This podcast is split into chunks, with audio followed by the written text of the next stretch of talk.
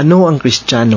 Ang diksyonaryo na isinulat ni Webster ay nagsasabing ang Kristiyano ay taong naghahayag ng kanyang paniniwala kay Jesus na Kristo o kaya sa relihiyong batay sa itinuro ni Jesus. Samantalang ito ang mabuting punto ng pag-uumpisa sa pag-unawa kung ano ang Kristiyano, hindi ito ang kabuuan sa paghahatid ng balita tungkol sa katotohanan ng Biblia kung ano ang kahulugan ng pagiging totoong Kristiyano. Ang salitang Kristiyano ay tatlong beses ginamit sa bagong tipan. Mga gawa, Kabanata 11, talata 26, mga gawa, Kabanata 26, talata 28, unang Pedro, Kabanata 4, talata 16. Ang mga alagad na Heso Kristo ay unang tinawag na Kristiyano sa Antioquia. Mga gawa, Kabanata 11, talata 26, dahilan sa kanilang ikinikilos, gawain at pananalita na katulad kay Kristo. Ito ay orihinal na ginamit ng hindi paligtas na mga tao sa Antioquia bilang contemptuous na palayaw na ginamit upang pagtawanan ang mga Kristiyano. Ang literal na kahulugan nito ay pag-aari ng panig ni Kristo o alagad ni Kristo na katulad sa paraang pagkakahayag sa diksyonaryong isinulat ni Webster.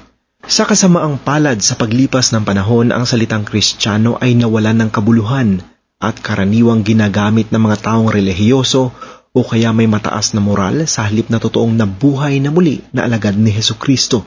Maraming tao ang hindi naniniwala at nagtitiwala kay Heso Kristo ang nag-aakalang sila ay kristyano dahil nagpupunta sila sa simbahan o kaya nakatira sa kristyanong nasyon. Ngunit ang pagpunta sa simbahan, ang pagsilbi doon sa mga taong kapuspalad kaysa sa iyo o ang pagiging mabuting tao ay hindi makakatulong sa iyo upang maging kristyano. Ayon sa isang evangelist, ang pagpunta sa simbahan ay hindi makakagawa sa isang tao na maging kristyano na higit pa sa pagpunta mo sa garahe, ikaw ay magiging isang otomobil. Bilang miyembro ng isang simbahan, regular na dumadalo sa serbisyo ng simbahan at nagbibigay para sa mga gawain ng simbahan ay hindi makakagawa sa tao na maging kristyano. Ang Biblia ay nagtuturo sa atin na ang mabuting gawain natin ay hindi makakatulong sa atin upang tanggapin tayo ng Diyos. Titus, Kabanata 3, Talata 5 ay nagsasabing na hindi dahil sa mga gawa sa katwiran na ginawa nating sarili, kundi ayon sa kanyang kaawaan ay kanyang iniligtas tayo sa pamamagitan ng paghuhugas sa muling kapanganakan at ng pagbabago sa Espiritu Santo. Ang Kristiyano ay isang taong ipinanganak na muli sa Espiritu Santo.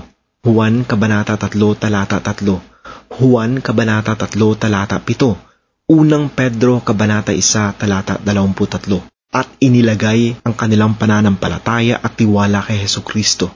Mga taga-Efeso Kabanata 2 talata 8 ay nagsasabing sapagkat sa biyaya kayo'y nangaligtas sa pamamagitan ng pananampalataya at ito'y hindi sa inyong sarili, ito'y kaloob ng Diyos. Ang totoong Kristiyano ay yaong nagsisi sa kanyang kasalanan at inilagay ang pananampalataya at tiwala kay Heso Kristo lamang. Ang kanilang tiwala ay hindi pagsunod sa relihiyon, listahan ng kodigo moral o listahan ng mga bawal at di bawal.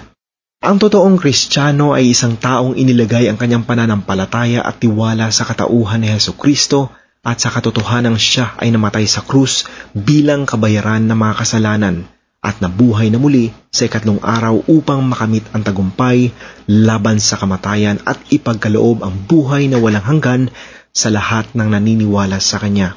Juan Kabanata 1, talata 12 ay nagsasabing, Datapwat ang lahat ng sa Kanya ay nagsitanggap ay pinagkalooban niya sila ng karapatang maging mga anak ng Diyos sa makatwid bagay ang mga nagsisampalataya sa kanyang pangalan, ang totoong kristyano ay talagang anak ng Diyos, bahagi ng totoong pamilya ng Diyos at isang ipinagaloob ang bagong buhay kay Kristo.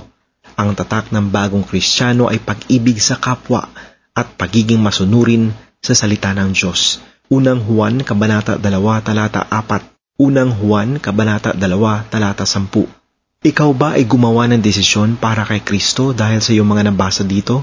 Kung oo, i-click ang tinanggap ko si Kristo ngayon sa ibabang kahon.